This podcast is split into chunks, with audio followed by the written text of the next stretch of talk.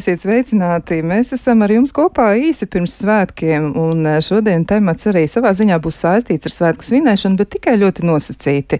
Nu, kā tas notiks un kas tas īsti būs, par to tūliņ arī uzzināsiet, jo šodien mēs vairāk runāsim par mūsu veselību un apspriedīsim to, kā pašiem sev palīdzēt, kā laikus atrast eh, kaut ko, kas īsti nestrādā kā vajag, vai arī kur ir parādījies kas tāds, kas nav īsti e, savienojams ar mūsu veiksmīgo, labo un veselīgo dzīvi. Proti, mēs runāsim par kolorektālā vēža skrīningu, par to, kā sekot līdzi savam gramošanas traktam, kā rūpēties par sevi, un mēģināsim aplūkot šo tēmu no ļoti dažādiem aspektiem. Un atgādināšu, ka studijā Kristiāna Lapiņa, bet pie skaņu pults ir Mārtiņš Paiglis, savukārt raidījuma producents ir Loreta Bērziņa. Un pie viena arī iepazīstināšu jūs ar studijas viesiem. Un pie mums ir gramošanas slimību centra gastrovaldes priekšsēdētājs ārsts, gastroenterologs, endoskopists Civars Tolmanis. Sveicināti! Labrīt! Vēl pie mums ir arī diētas ārste Rīgas Tradiņu universitātes studiju programmu uztura, uzturs un uzturs zinātni izveidotājiem vadītāji Latvijas diētas un uzturs speciālistu asociācijas prezidenta Lolita Neimans. Sveicināt! Jā, paldies! Nu jau vairs ne prezidenta, mums ir jauna prezidenta, bet direktori Direktor. programma vienalga. Jā, jā vienalga. Tā, tā, tā, tik tālu tas tur būtu pareizi.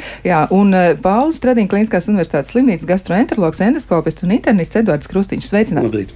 Nu, ko varbūt sāksim ar datiem. Es paskatījos, kādi ir dati, un dati, nu, necik iepriecinoši nav. Un kaut arī tas izklausās, nu, tā, dažreiz klausītājs saka, nu, jūs mūs biedējat ja, ar to, kas tur notiek un kādi ir tie cipari, bet, nu, tas tā, nu, pārāk labi neizskatās, jo pēdējo 25 gadu laikā Latvijā saslimstība ar kolorektālo vēzi ir gandrīz dubultojusies, un, diemžēl, izskatās, ka šie skaitļi turpina augt. Un, Vēl ir arī tā, ka Latvijā kolorektālo vēzi katru gadu diagnosticē aptuveni 1100 cilvēkiem. Gadu no tām mirst aptuveni 700 cilvēki. Tas izklausās diezgan biedējoši. Varbūt uzreiz abiem ārstiem ir komentārs par to situāciju. Varbūt uh, dr. Tomans varētu sākt. Patiesi skaitļi ir biedējoši, bet vienlaikus jāuzsver, ka mūsu uzdevums ir rūpēties par to, lai mēs eh, saprastu tos riskus un novērtētu. Un Jūs pieminējāt skrīningu. Svarīgākais, laikam, kas jāpasaka klausītājiem, ka skrīninga būtība ir tiešām rūpēties par savu veselību avansā tajā brīdī, kad tu esi pilnīgi vesels. Un šī ir tāda dilemma arī medicīnā. Likt uzsvaru uz veseliem cilvēkiem, uz to brīdi, kad tev nekas nekaiš, kad dzīve liekas skaista un gribās dzīvi svinēt. Un pievērst uzmanību šim, šiem profilaktiskiem pasākumiem un skrīningam. Un skaitļi noteikti ir viens no motivējošiem stimuliem mums par to aizdomāties. Bet, protams, skaitļi ir ļoti relatīvi un viņi jāskatās kontekstā ar citiem skaitļiem. Un, bet mūsu uzdevums kā ārstiem, kas par šo tēmu interesējās, ir šo vienu no problēmām. Protams, kolorektālais vēzis nav vienīgā medicīnas problēma, bet viņi ir svarīga sastāvdaļa medicīnas svarīgo tēmu mozaīkā. Bet uh, pasaules pieredze ir pierādījusi, ka regulāra informēšana, regulāra runāšana par šo tēmu un regulāra individu uh, uzaicināšana, pievērst uzmanību par šīs tēmas esamību, uh, ir ārkārtīgi būtisks faktors, kuram ir milzīgas medicīniskas, sociālas, ekonomiskas un vispār cilvēciskas konsekvences. Jo izdevumi plašākā nozīmē, ne tikai runājot par naudu, bet visas pārējās mūsu dzīves vērtības saistībā ar kolorektālā vēža ārstēšanu. Ir sasniedzis tik fantastiskus skaļus, ko mēs nespējam pat izreikināt un iedomāties. Un tas ir viens no iemesliem, kāpēc mēs par to runājam. Tāpēc, jā, tiešām jūs nosauktie skaitļi ir indikatīvi. Uh, Un es kā ārsts gribu aicināt visus noteikti nenovērtēt par zemu šīs problēmas esamību un ieklausīties tajās axiomās, par ko mēs šodien runāsim, kas ir svarīgs mums visiem. Jau noteiktā vecumā. Par vecumu runājot, es gribu teikt, ka kolorektālais vēzis jau sen vairs nav vecu cilvēku slimība. Šobrīd arī Eiropā jau runā par vecumu pazemināšanos, domājot par agrīnu diagnostiku. Tas vēl ir ļoti svarīgi saprast, ka šī nav tradicionāli mm, to cilvēku slimība, kas ir pensijas vecumā un tālāk, bet šobrīd jau ir dati, kad pieņemsim saslimtību, sākot ar 20 gadu vecumu, iet uz augšu, nemaz nerunājot par 40, nu 50 gadu vecumu. Līdz ar to tā tiešām ir svarīga problēma, un paldies jums, ka jūs atsaucāties un, un un uztvērāt šīs problēmas nozīmīgumu. Tas nozīmē, ka mēs nevaram vairs domāt par to, ka, ja mums ir 25, tad viss ir kārtībā. Tad mums ir 25, dzīve ir skaista, un mēs vienkārši atmetam visam ar roku. Kam tad mums būtu jāpievērš uzmanība? Ar ko tas stāsts sākas? Ja mēs eh, nu, tālāk apspriedīsim, protams, nu, to, kas ko kā, kā var izmeklēt un kā to var noskaidrot, bet ar ko tas varētu sākties? Kam būtu jāpievērš uzmanība? Tātad cilvēks dzīvo to nu, savu jauko dzīvi, ja? un uh, nekas viņam nekaiš. Vai var tā būt, ka nekas arī nekaiš? Nu, vismaz tāda sajūta ir, un uh, kā tas var arī tālāk attīstīties, un kādi ir tie scenāriji? Ja mēs, ja mēs runājam par kolektālo vēzi, tad, protams, ka vienā daļā gadījumā tiešām ir situācijas, ka šķietam nekas nekaiš, un, un tā slimība lēnām attīstās. Jūs pieminējat 25 gadu vairumā gadījumu, tomēr joprojām ir tas, tas vecums, kur lielākā daļa tiešām nekas nekaiš. Mēs runājam par, par kolektālo vēzi. Saslimstība aug, aug visā Eiropā, bet nu, 25, 30 gadi ir tad, kad jāsāk domāt, ko, ko darīt. Eiropā rekomendācijas izmeklēt joprojām ir 45, 50 gadi. Un, tiksim, par to, ko varētu darīt un par ko jāuzmanās, tad, ka kaut kas būtiski mainās veselībā. Tiksim. Kas tieši? Klasē, klasiski medicīnā runā par tā saucamiem sarkanā karoga simptomiem. Tātad, ja mēs kaut kur pamanām asinis, ja mums pēkšņi negribētu svars zūd vai Vai nu, varbūt aprastiet to secīgi, lai, cilvēki tiek klausās, nu viņi tiešām varbūt īsti tā nu, nu, nav pievērsuši tam uzmanību, un tagad viņi tad mēģinās izsekot līdz tam visam. Varbūt nosauciet to visu pēc kārtas, kā tas ir. Tātad svara zudums, tur neizskaidrojams, vājums, nogurums, kas vēl? Būtiska, būtiska pazīme anēmija, tātad, vai sekunu asins ķemnīšu trūkums organismā, dzelzs trūkums, kas ir pirmās pazīmes pie kolektālā vēža. Un, mazliet atkāpjoties, ko jūs, ko jūs minējāt par tiem skaitļiem, kas ir arī būtiski, bet skaitļi parāda, ka mēs iespējams arī labāk diagnosticējam šobrīd nekā tas ir bijis. Visā Eiropā kolektālais reizes kļūst biežāks, bet mēs arī kolonoskopiju šobrīd taisam ievērojami vairāk nekā tas bija varbūt pirms gadiem 10, 15 un, un 20. Jā, nu tas ir tā labā ziņa, ka diagnostika aizvien uzlabojas. Labā, labā ziņa, ka kolektālais veids ir tas, kuru laicīgi atrodot var labi ārstēt. Tātad ir iemesls viņu meklēt un ir iemesls laicīgi par to, par to domāt. Mm -hmm.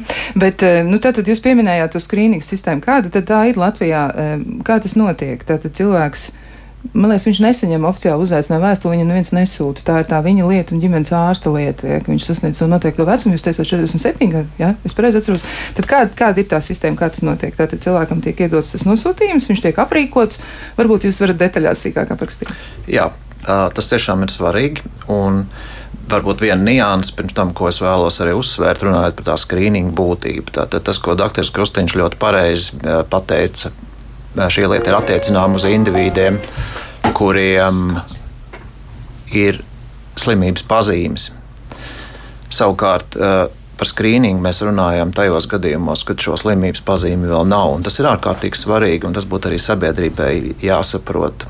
Un to būtu vairāk kārtīgi jāuzsver, ka šeit mēs nerunājam par individiem, kuriem jau kaut kas kaiš, kuriem ir asiņošana vai kuriem ir jebkuri vēderi kaut kāda darbības traucējuma vai slikta pašsajūta, bet uh, skrīninga būtība ir pievērst uzmanību absolūti veseliem cilvēkiem, kuri nereiz mūžā varbūt nav redzējuši ārstu un nevēlas pie viņa iet.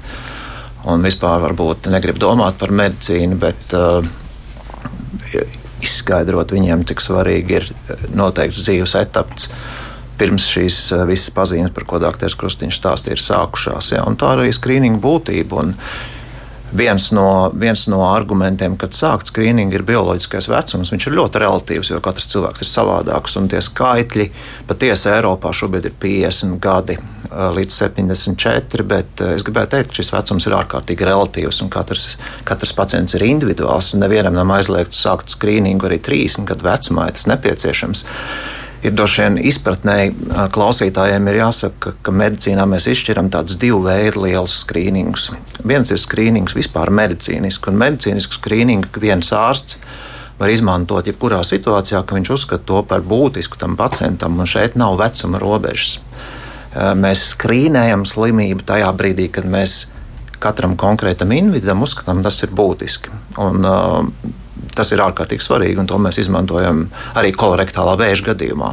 Otrs skrīninga veids ir tā saucamais organizētais skrīnings.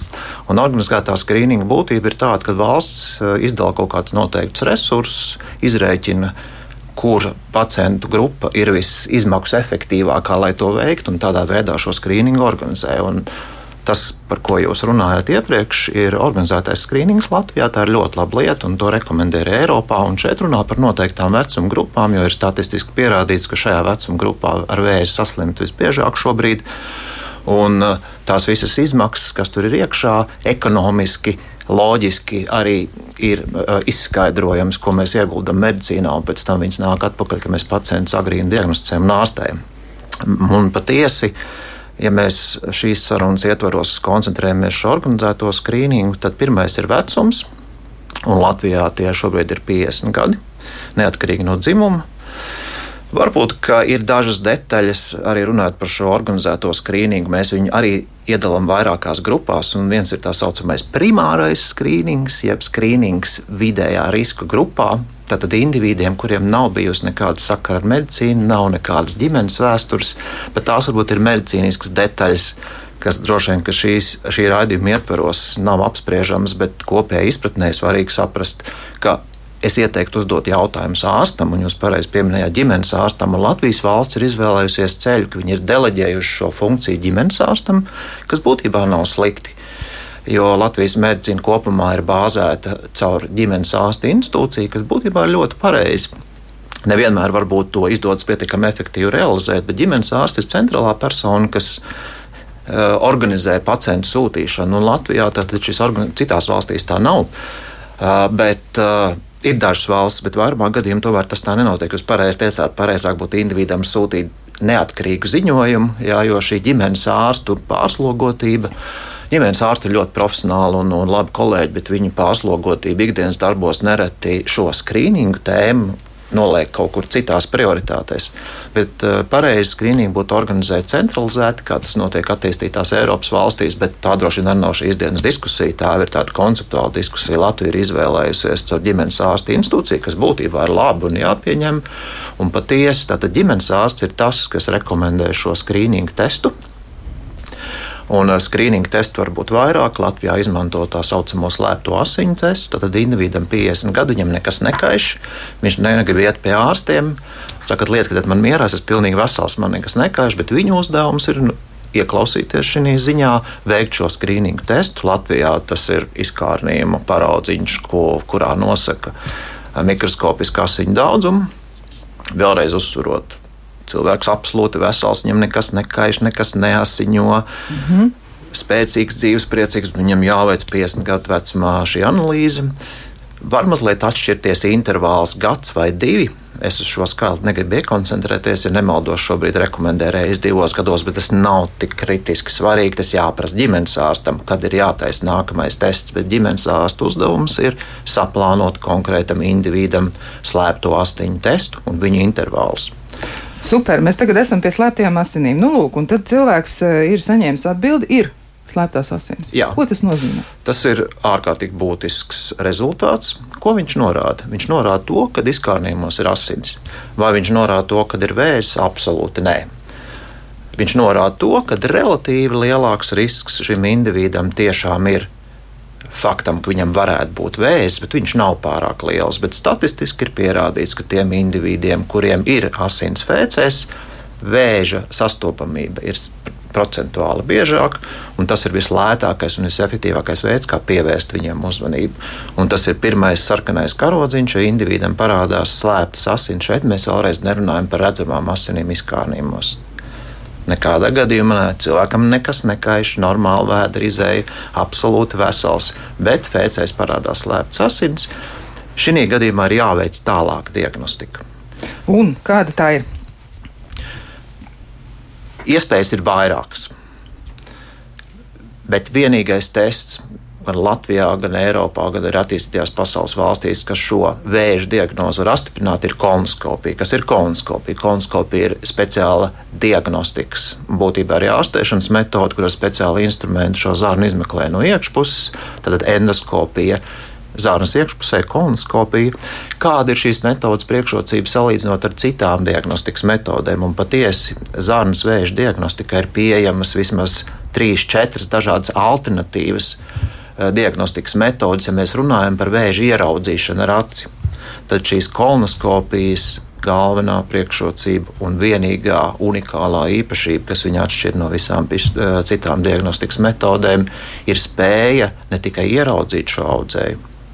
Jo audzēju var ieraudzīt gan ar rēngenu, gan ar datortomogrāfiju, gan visādām citām metodēm, bet endoskopijas, jeb kolonoskopijas galvenā priekšrocība ir iespēja ne tikai audzēju ieraudzīt ar aci, vai ar video kameru, vai ar mākslīgo intelektu, bet paņemt arī audu gabaliņu procedūras laikā un apstiprināt šī vēža diagnozi vai izslēgt viņu. Un tāpēc Eiropā un arī citās pasaules valstīs šis tiltiņš no skrīninga testa uzreiz uz kolonoskopiju ir pierādīts kā visefektīvākais veids, kā pēc iespējas ātrāk un efektīvāk nonākt līdz vēža diagnozē, vai vairumā gadījumu viņu izslēgt. Un šeit es gribētu teikt vēl viena ļoti svarīga informācija auditorijai.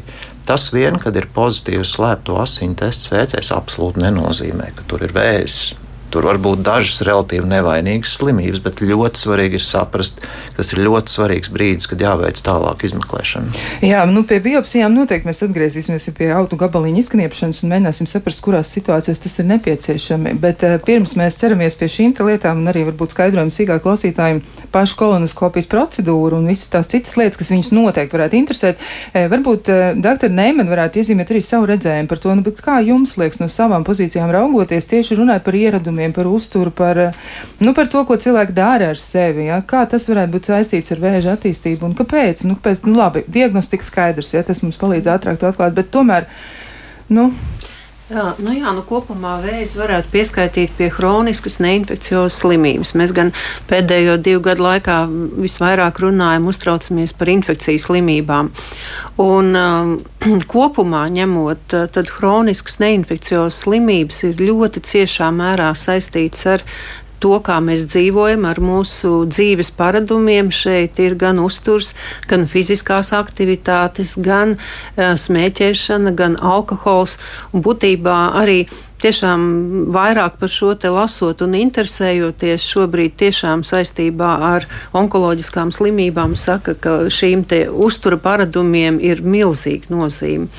Un īpaši, protams, ja mēs runājam par gremošanas traktu un par zarnām, tad šeit ļoti, ļoti būtisks aspekts ir tiešām uh, normālai vēdera izējai, kas nav aizcietējumi Un šī ir lieta, par kur varbūt eh, nu, mēs eh, draugu sabiedrībā nerunājam, nejautājam, kā tev vēders iziet, cik regulāri, bet šī lieta ir tā, ko es arī strādājot kā dietloks, es ļoti bieži saskaros, kur pacienti par šo te sūdzās. Nu, ir diezgan grūti šobrīd um, pateikt to vienīgo pareizo definīciju, kā tad ir, vai, vai noteikti vienreiz dienā, vai kā.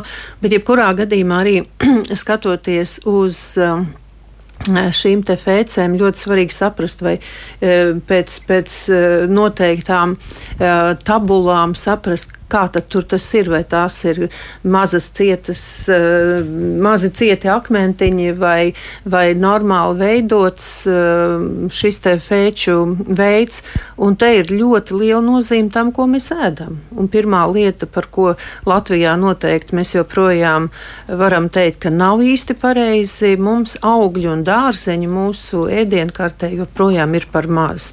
Un zinot to, ka augļi un dārzeņi ir viens no galvenajiem šķiedrvielu avotiem, jo, lai, būt, lai veidotos normāli vēdera izēja, ir divi šķēkāji, saka, šķidrums un šķiedrvielas.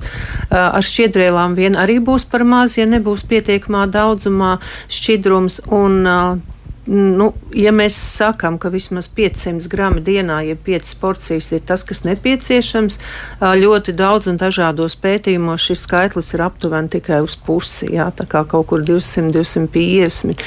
Protams, es domāju, ka pēdējā laikā interese par, par veselīgiem uzturu paradumiem ir pieaugusi un ir noteikti ļoti daudz cilvēku, kas tiešām zina un, un ēd pēc visiem noteikumiem, bet joprojām ir daļa, un es domāju, ka diezgan liela daļa, kur uzturu paradumi ir ļoti tālu no, no tā ideālā, par ko mēs varētu nu, domāt un vēlēties ārsti. Jā, kā jūs komentējat arī tādu lietu, nu, diezgan bieži tie cilvēki, kur skatās televizoru, viņi noteikti redz reklāmas, kuras uh, saka, nu, redzi, tad esi pārēdies, ja vai tev tur ir grūti tajā brīdī, nu, reku tev ir jā, tāds un tāds līdzeklis, ka tu vari atvieglot to savu stāvokli. Man liekas, ka tas ved nepareizā virzienā, kā jums. Jā, nu, es arī šīs te reklāmas apmēram, tu vari ēst, ko gribi, un reku ir medikaments, kas tev atvieglo, jā. Nu, tas, es nezinu, tas apmēram būtu tā, ka cilvēks uh, ēd neveselīgu pārtiku un pēc tam viņš domā, ka, lai asinsvadi būtu e, veseli un tīri, ka viņš e, ielēja kādu šķīdinātāju, nu, organisms jau ir ārkārtīgi sarežģīts pēc savas e, būtības ar savām daudzajām um, nu, teiksim, gremošanas sulu fermentatīvajām īpašībām. Un, nu, tā padomāt, ka nu, nekas, nekas pārēdies, un tagad tev ir uh, somiņā tabletes. Nē, nu, viena daļa jau droši vien arī cilvēku šo te izmanto, bet kopumā. Uh, Jā, es gribu teikt, ka svētkos droši vien, ka mēs tomēr apēdam nedaudz vairāk kā ikdienā. Varbūt arī svētki ir nu, savā ziņā nu, tāda priekšrocība, ka jā, tad ir eh, dažādi ēdieni, bet nu, runājot ar cilvēkiem, ar pacientiem, bieži vien tomēr nākās secināt, ka tā svētku sajūta gandrīz eh, teju katru dienu. Šeit noteikti gribētu arī par alkoholu pieskarties. Jā, jā. noteikti. Sakiet arī, ko jūs jā, jo, jo tagad tagad jau ir apmēram tā piekdienas vakars, nu kā tad, kā tad nu, tā vajag, vajag kaut kādu relaksāciju, vai tu esi darbā piekusis, un tad tev arī vakarā vajag kādu glāzi. Un šeit tiešām runājot par tām devām ir ļoti svarīgi uzsvērt, ka tā viena alkohola deva sievietei ir 150 ml vīna. Un, lai cik mēs varētu runāt par eh, pol polifenoliem, resveratrolu, kas ir eh, ļoti labs antioksidants, bet eh, šeit ir ļoti svarīga šī deva. Un, jā, sievietei 150 ml vīna, nu, vīrietim tas ir viens alus dienā, nevis divi vai trīs vai, vai kaut kā tā. Un, un neviens arī nav teicis, ka katru dienu šī deva būtu jāizmanto to, jā, lai tā būtu nedēļā septiņas. Jo par alkoholu arī lasot, es atradu vienu tādu ļoti labu vārdu. Alkohols tiek vērtēts kā kopkancerogēns, jo viņam ir tiešām un sevišķi, ja mēs runājam par gremošanas orgānu um, onkoloģiskām slimībām, tad sākot jau ar, ar, ar mutes dobumu, ar rīkli, ar barības vadu, ar kuņģi, protams, nu, tā skaitā arī e, kolorektālais vēzis. Jā, tā kā šeit ir ļoti svarīgi saprast um, nu, to devu. Jā, nu tad alus ceļojot no mutes un eh, beidzot savu ceļojumu kaut kur drusciņā tālāk, jā, vai, vai pārvēršoties par kaut ko citu, tomēr pa to laiku laikam ļoti būtiski mūs ietekmē. Nu, vēl arī varbūt. Um, Pirms mēs paši atvilksim nedaudz elpu, varbūt drusciņi arī tomēr par kolonoskopiju kopumā runājot. Nu, kā ir pacienti dodas eh, uz dažādām vietām veikt šo procedūru, varbūt jūs varat īsos vārdos raksturot, ko tas īsti nozīmē, kā tas izskatās. Tad, tad eh, kolonoskopija ir izmeklējums, kurā ārsts gastroenterologs ieskatās zēnās, lai saprastu, kas tur notiek un kāpēc bija. Po, mēģinot saprast, vai kāpēc bija piemēram, pozitīvs šis slēptu asiņu tests, vai kāda cita slimība, vai kāds cits iemesls, kādēļ izmeklējums nosūt, nosūtīts. Un kolonoskopija ir process, tas nav viens izmeklējums, eh, kur, kur uz īsu brīdi pacients atnāk. Mēdz teikt, ka grūtākais uh, priekš kolonoskopijas ir sagatavošanās, kas ir tieši pacientu un ģimenes ārsti bieži vien tā, es negribētu teikt atbildība, bet uh, kopējas sadarbības tāds. Nu, rezu, rezultāts. Jo vismaz pie tās sistēmas, kas mums ir Latvijā, gastroenterologs, kurš veic izmeklējumu, bieži vien to pacientu pirms tam nav redzējis. Un, kas varbūt nav pats labākais, un, un viņš nav varējis izstāstīt, kas būtu pa, jādara pirms tā izmeklējuma. Lai mēs varētu zēnās kaut ko redzēt, viņām jābūt tīrām. Tas ir, tas ir pats pats būtiskākais, laikam, ko pacients var, var ietekmēt. Uh, Lai, lai šo tīrību panāktu, ieprie, vai nu iepriekšējā vakarā, vai izmeklējuma dienas rītā, tas varbūt šobrīd mazāk nozīmīgi būtu jāizdara šie medikamenti. Latvijā ir pieejami četri, ko, ko tas, kurš nozīmē kolonoskopiju, izraksta pacientam. Vēlams arī izstāsta, kā viņus lietot.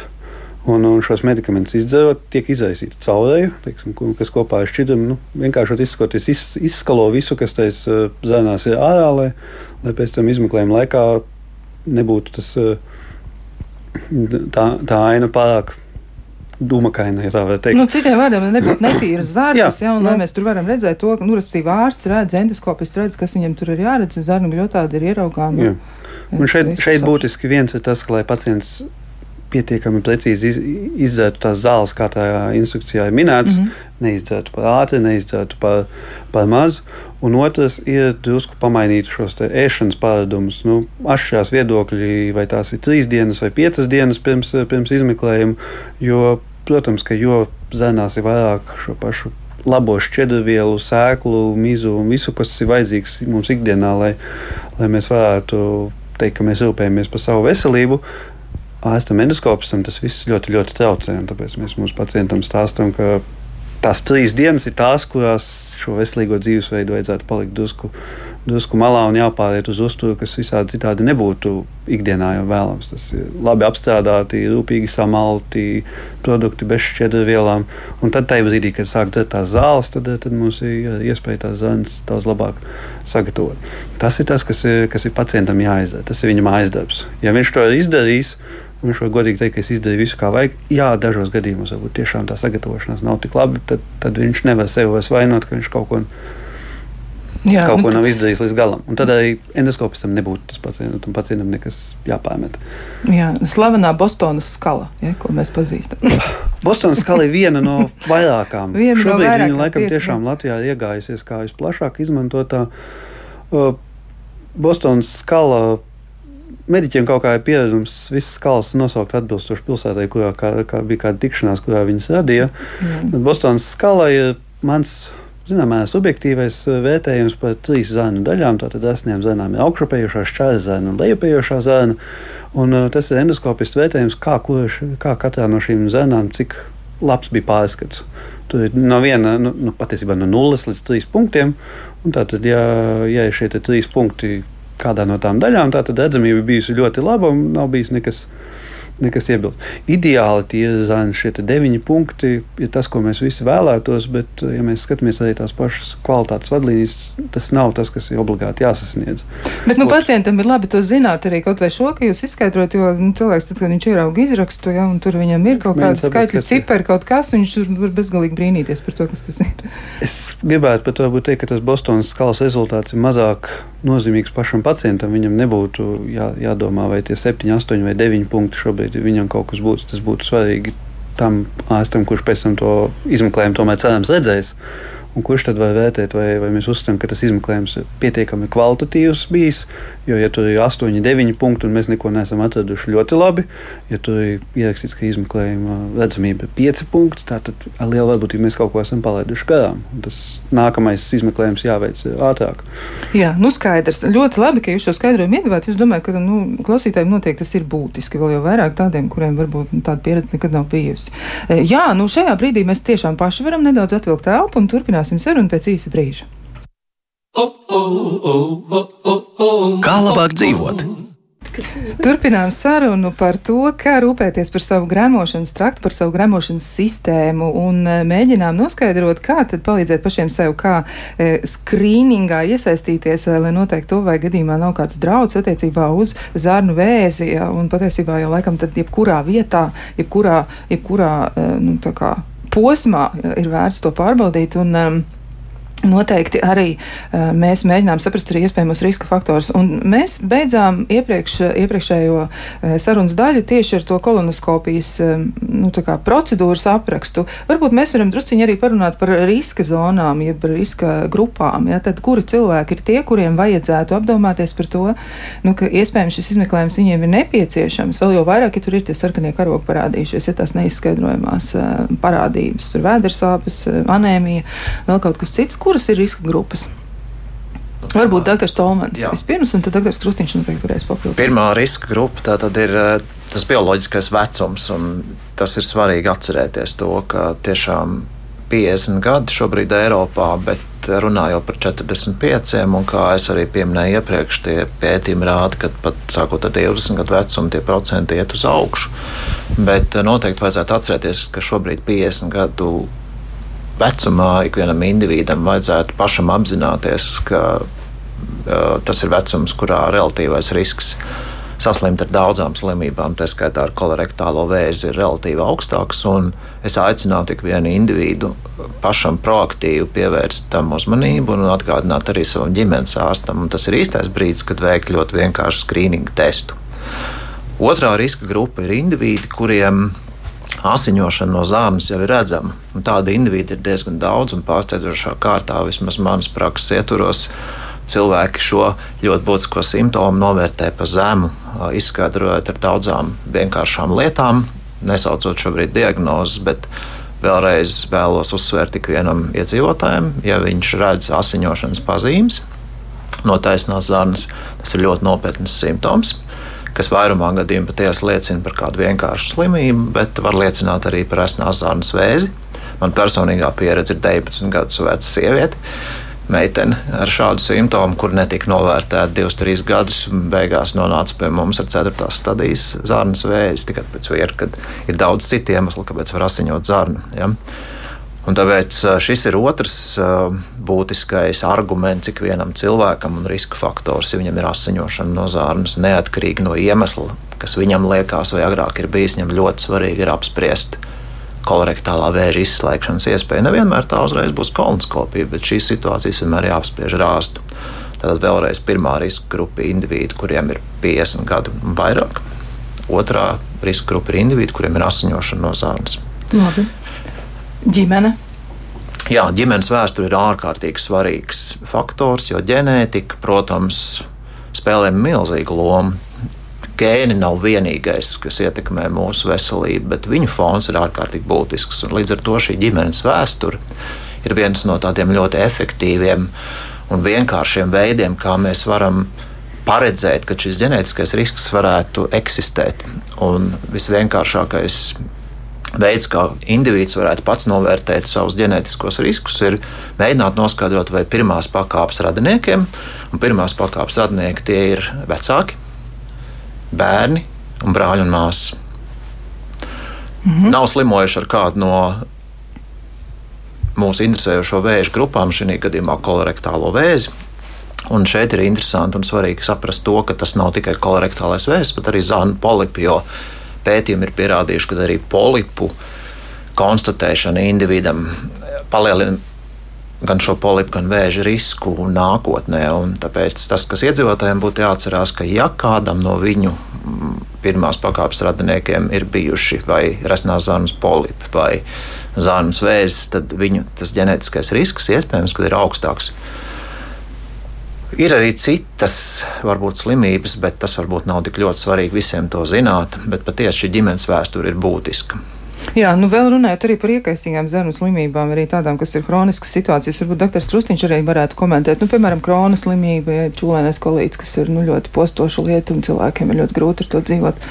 Tas arī varētu būt riska faktors. Protams, par kronas slimību čūlēno kolītu, kas ir, kā jūs teicat, zarnu slimības, kur cilvēka imunā sistēma ir vainojama pie viņa pie viņa zēnu, zēnu iekaisuma, risks ir augstāks pie ilgstošas slimības, jo īpaši pie ilgstošas slikti kontrolētas slimības. Tiksim. Tas tātad tie čūlēnā kolīga gadījumā tie ir astoņi gadi kronas slimībai arī, kad, eh, ja pacients ir slimojis vismaz, vismaz astoņus gadus, un jo īpaši, ja teiksim, šos astoņus gadus ar to ārstēšanu nav gājis īsti labi, tad šis risks ir uzskata, ka ir augstāks. Tā, tādā gadījumā šiem pacientiem rekomendē biežākus izmeklējumus, jau mērķiecīgi meklējot, tiksim, vai nav kaut kādas pazīmes, kas varētu liecināt par, par tiksim, zēnu vēža attīstību. Zēnu vēzis nerodās dienas laikā un bieži vien arī ne, ne mēnešu, mēnešu laikā. Tiksim, jo pieminētie polipi ir viena daļa no ķēdītes, kas, eh, kas sākas ar veselu zāli. Polips ir tāds nu, tā auga izaugums, vienkāršots ar kaut kas līdzīgs kā, kā dzimumzīme vai kāpu uz ādas, tikai zēnas iekšpusē, kurš eh, lēnām gadu, gadu gaitā tiksim, dažādu bioloģisku procesu rezultātā pārveidojas par, par šo ļaundabīgo audzēju. Nu, uzskatu, ka tas termiņš ir 5, 10 gadi, kas, kas ir arī iemesls, kādēļ tā atkārtotā kolonoskopija, ja viss ir labi, jāveic tikai pēc pieciem un desmit gadiem, nevis nākošajā vai aiznākošajā gadā. Tas ir mums visiem ir zināmas bažas par iespējamām ļaundabīgām slimībām, bet tas arī jārunā mums bieži vien pacientiem, ka nav jātaisa izmeklējums katru gadu vai pat ne katrus divus, divus trīs gadus. Un otra piezīme par, par ģimenes anamnēzi. Man gribētos tomēr atgādināt, ka ir būtiska atšķirība, kolektālais vēzis pirmās pakāpes radiniekam 70, 80 gadu vecumā, vai tas ir, vai tas ir teiksim, jaunam cilvēkam. Teiksim, ja kādam no vecākiem šī slimība bijusi 40 vai to pašu 45 gadu vecumā, tā nozīmība ir neslīdzinām augstāka nekā, nekā teiksim, gados vecākam cilvēkam, kurš vienkārši jau šajā riska grupā bijis pēc 50. Jā. Nu, Maza piezīme, laulātie nav pirmās pakāpes radnieki. Tas parasti aktualizē šo tēmu. Tā gribētu uzdomāt, laikam nav. Izņemot atsevišķus retus gadījumus. Mm. Bet tos mēs izslēgsim šodien, tos mēs neapspriedīsim. Tas varbūt ir kaut kas, kas ir ārpus, ārpus normas un ārpus robežām. Ja?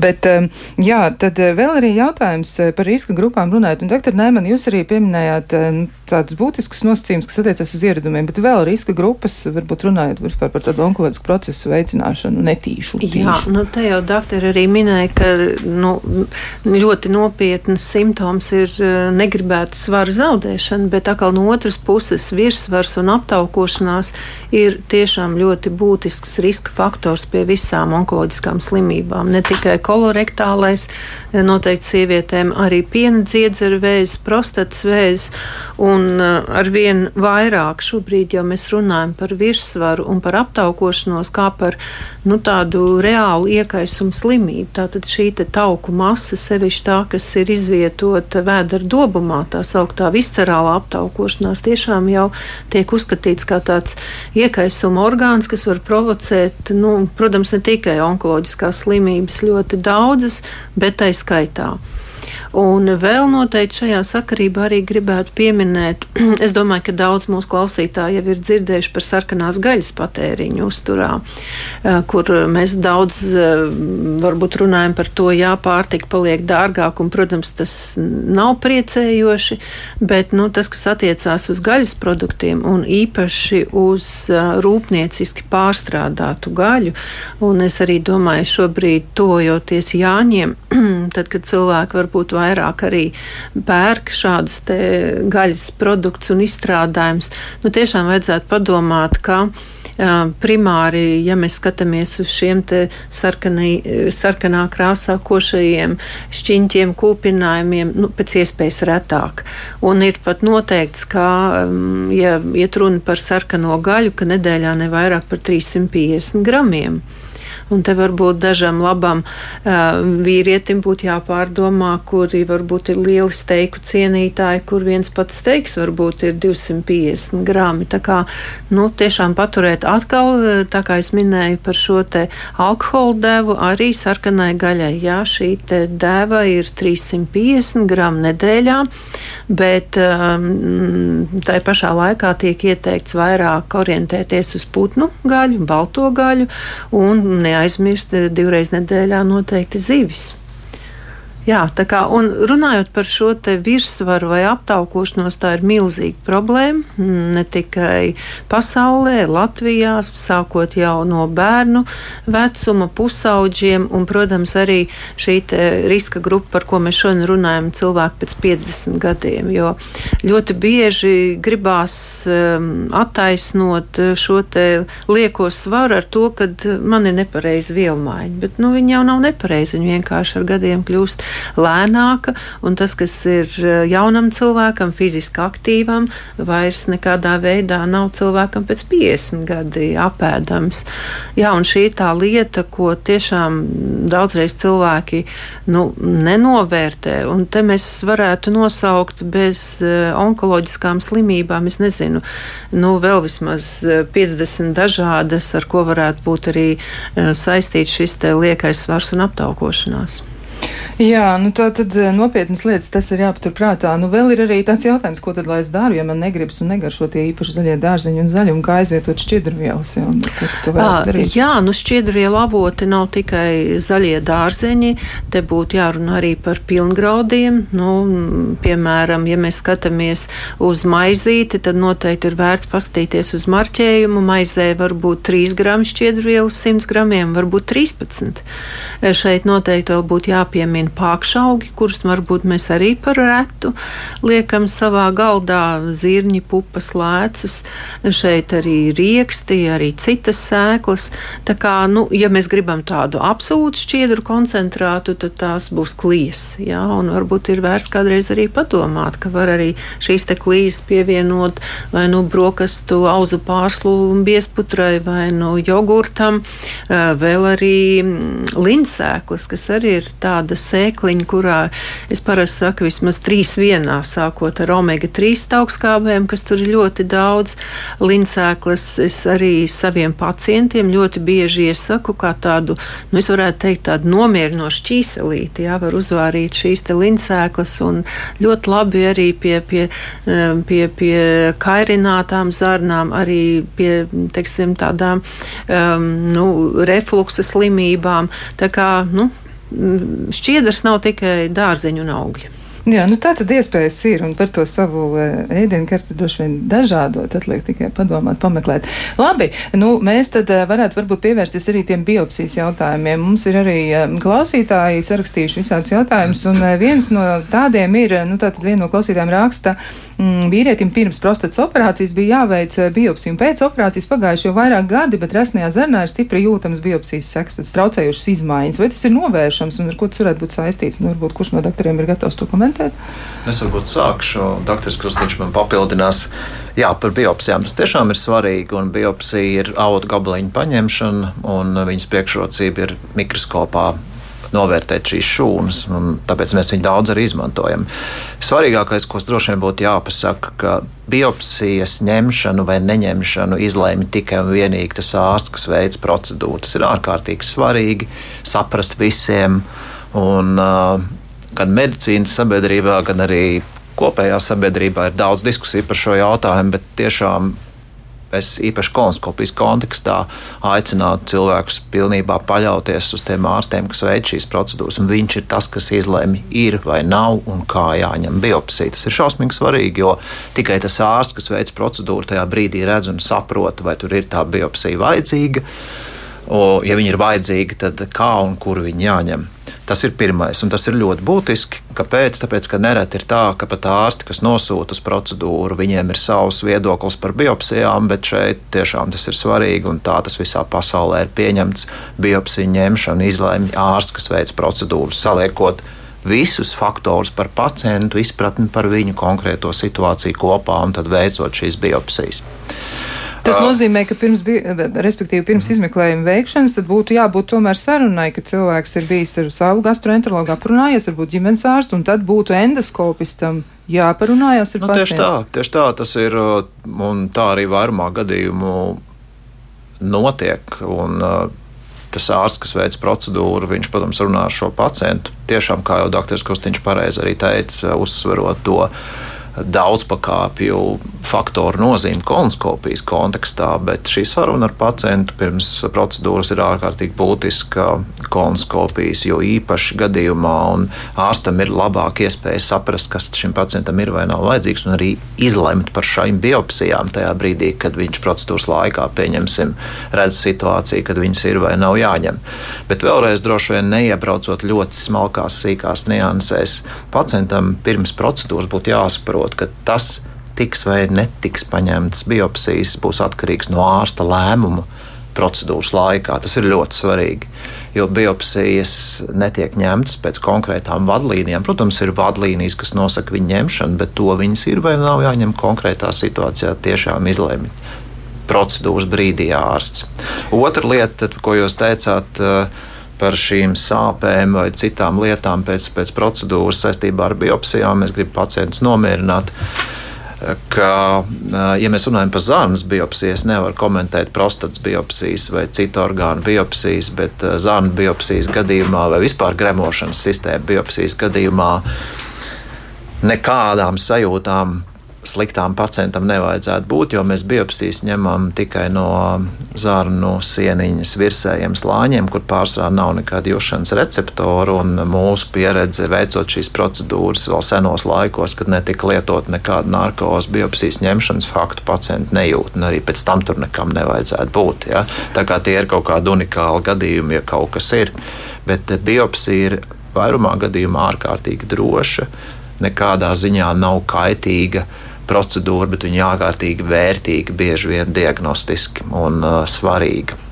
Jā, nu, mums ir diezgan maz laika atlicis, lai mēs varētu vēl tur varbūt izrunāt ļoti daudz cits jautājums. Nu, izskatās, ka mums vēl šis temats ir turpināms, un mums vēl noteikti būtu pašiem sev jādod laiks, lai izpētītu to vēl sīkāk un vēl vairāk. Bet, nu, tad sarunas noslēgumā varbūt jūs varat pateikt, kas ir tas, ko biopsijā var ieraudzīt, bet nevar redzēt vizuāli. Un tā kā endoskopists veids to izmeklējumu, varbūt tur zarnas ir brīnišķīgi tīras, viss ir skaisti, bet tomēr ir nu, kaut kas, ko ar biopsiju var noskaidrot, bet to nevar redzēt ar aci. Kas tas varētu būt? Kā jau dr. Tomans teica, biopsijas ļauj paskatīties zem mikroskopa, pēc speciālas krāsošanas, saprast, kāda Jā. veida šūnas ir. Jo, kā mēs runājām iepriekš, tas process no, no veselas zēnas sieniņas līdz, līdz ļaunprātīgām audzējumam ietver vairākas, vairākas stadijas un izmaiņas. Un, teiksim, tas, kādas šūnas atrod, tālāk arī nosaka, ko ar to polipu iesākt.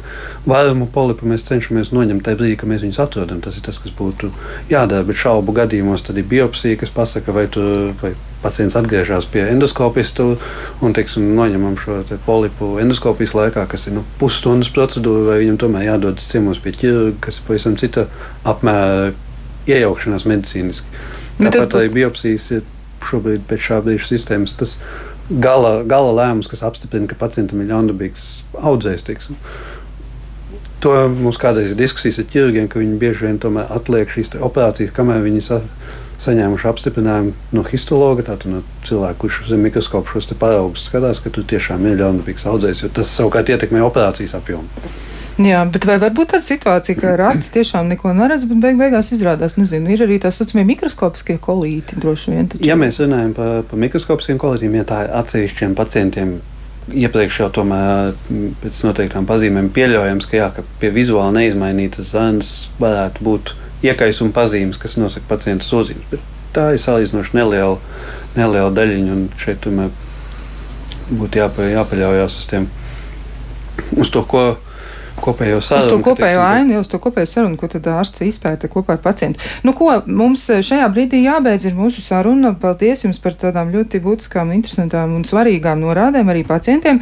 Un eh, savukārt pacientiem mēs droši vien varam teikt, nu, sekojiet līdzi sev savai veselībai, noteikti izmantojiet skrīningu iespējas, runājiet ar savu ģimenes ārstu un e, mēģiniet sekot līdzi paši savam veselības stāvoklim. Ja tas noteikti būs daudz lētāk nekā pēc tam cīnīties ar tādām nopietnām sekām. Rīt savukārt. E, Rīt eh, Elvis Jansons eh, kopā ar kā labāk dzīvot eh, ciemosies zemnieku saimniecībā Lazdiņa Kalpas pagastā, un tur būs daudz arī tādas jaukas lietas, par ko parunāt, un runāšana būs ar saimnieku Rēnu Lazdānu, bet viņš nebūs vienīgais, kas šajā sarunā piedalīsies, tā kā arī rīt ieslēdziet savus radioaparātus un klausieties, lai jums skaista diena un tiekamies nākamreiz.